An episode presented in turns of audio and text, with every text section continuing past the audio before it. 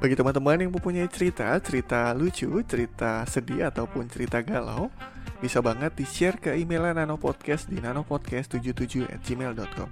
Atau bagi kalian yang ingin berbagi atau sharing cerita mengenai cerita kalian yang seru banget ataupun sedih banget, bisa banget DM di Instagramnya Nano Podcast di nanopod77. Dan hey, balik lagi bersama gue Andi dan selamat datang di Nano Podcast.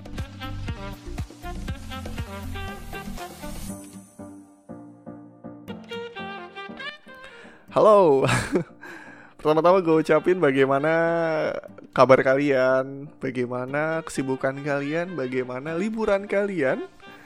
Bagi teman-teman yang merayakan ataupun sedang menikmati liburannya, gak terasa ya kita udah di penghujung akhir tahun 2019.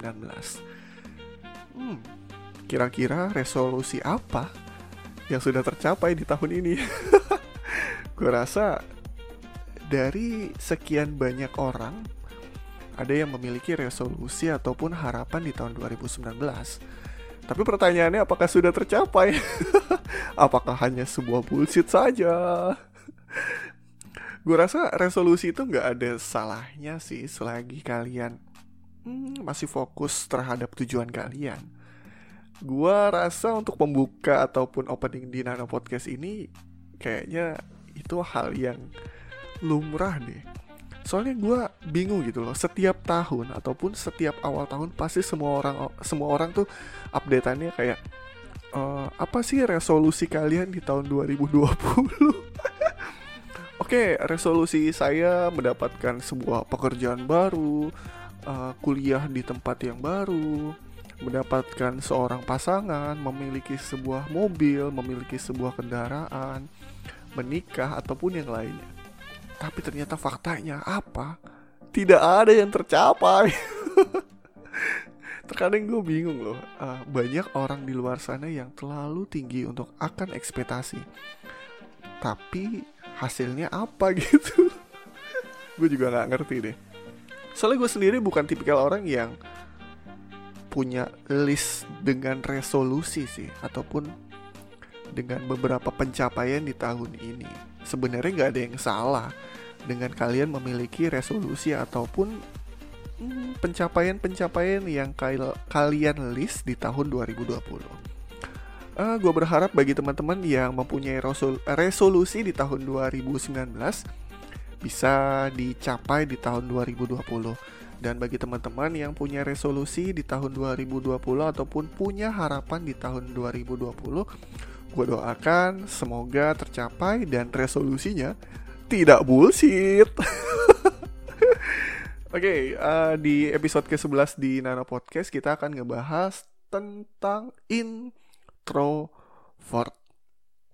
Bagi kalian yang belum tahu introvert itu apa, introvert adalah kepribadian seseorang yang lebih cenderung kepada perasaan dan pikirannya sendiri daripada berinteraksi dengan orang lain ataupun dunia luar.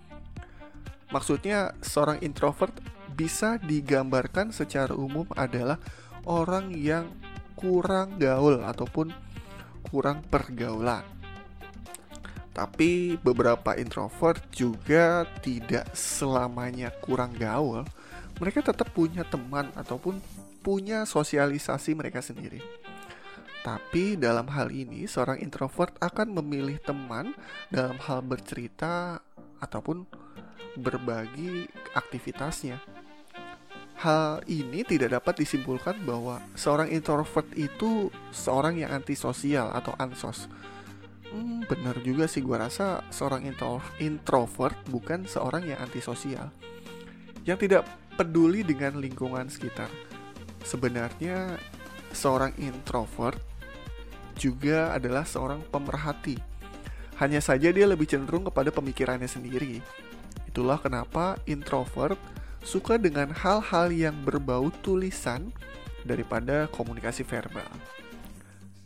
Hmm, kalau dibilang introvert seorang pendiam, kalau ditanya apakah bang, uh, lu seorang introvert atau bukan? Kalau gue bisa jawab sih, gue bukan seorang introvert ya.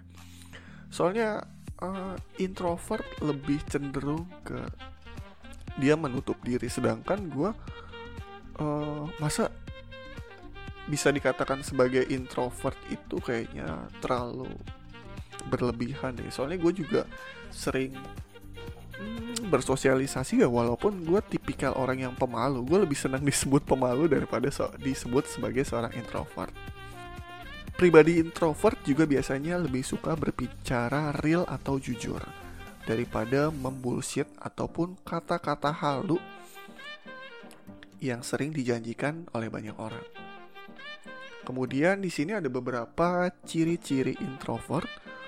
Number one, nomor satu, seorang introvert adalah seorang pemikir. Bisa dikatakan bahwa seorang introvert itu dia nggak akan melakukan sesuatu tanpa tanpa memikirkannya. Jadi seorang introvert bisa disimpulkan bahwa dia akan berpikir terlebih dahulu untuk melakukan kegiatannya. Kemudian seorang introvert juga punya pemahaman ataupun pemikirannya sendiri. Di dalam podcast kali ini gue akan membacakan ataupun meng-share kepada kalian tentang informasi mengenai introvert sendiri. Introvert dengan ciri-ciri yang kedua, introvert bisa dikatakan seorang kutu buku atau mereka lebih senang menulis, membaca, berpikir dan berdiskusi daripada harus ngumpul dengan orang-orang ramai. Gak heran penilaian bahwa seorang introvert adalah seorang yang cerdas. Uh, kalau ini bisa banget sih dicocokkan dengan kepribadian seseorang yang cenderung tertutup dan lebih banyak berpikir.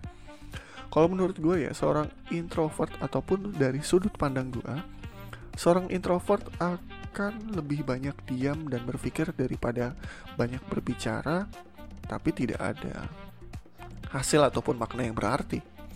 Cenderung kecenderungan introvert sebenarnya gue rasain kepada diri gue sendiri sih.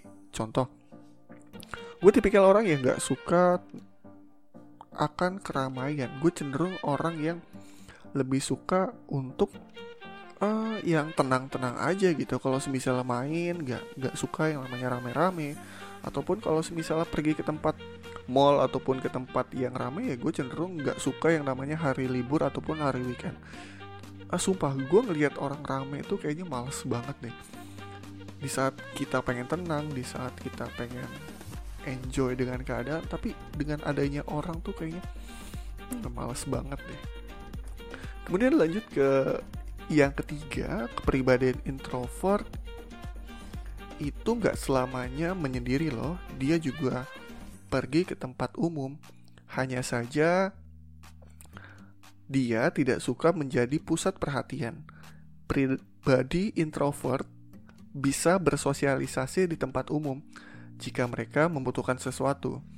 Kemudian jika sudah didapat akan segera pulang. Mereka akan lebih memilih diam di kamar, melakukan kegiatan di depan laptop, ponsel ataupun membaca buku uh, setahu gue tidak ada yang salah dengan sifat ataupun karakter kalian. Yang terpenting kalian bisa menyesuaikan ya terhadap lingkungan.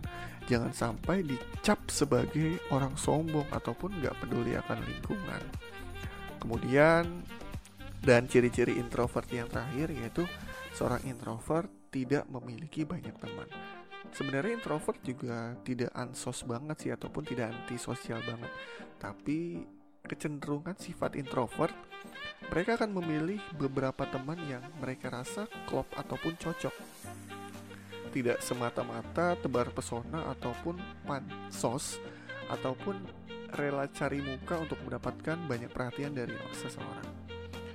Gue ucapkan terima kasih kepada teman-teman yang masih mendengarkan Nano Podcast dari menit awal ke menit akhir uh, gak banyak dari episode ke-11 kali ini Gua rasa cukup pesan dari gua jaga kesehatan dan selamat tahun baru 2020 Semoga semua harapan resolusi kalian bisa tercapai dan balik lagi bersama gue Andi dan terima kasih telah mendengarkan Nano Podcast. Bye bye.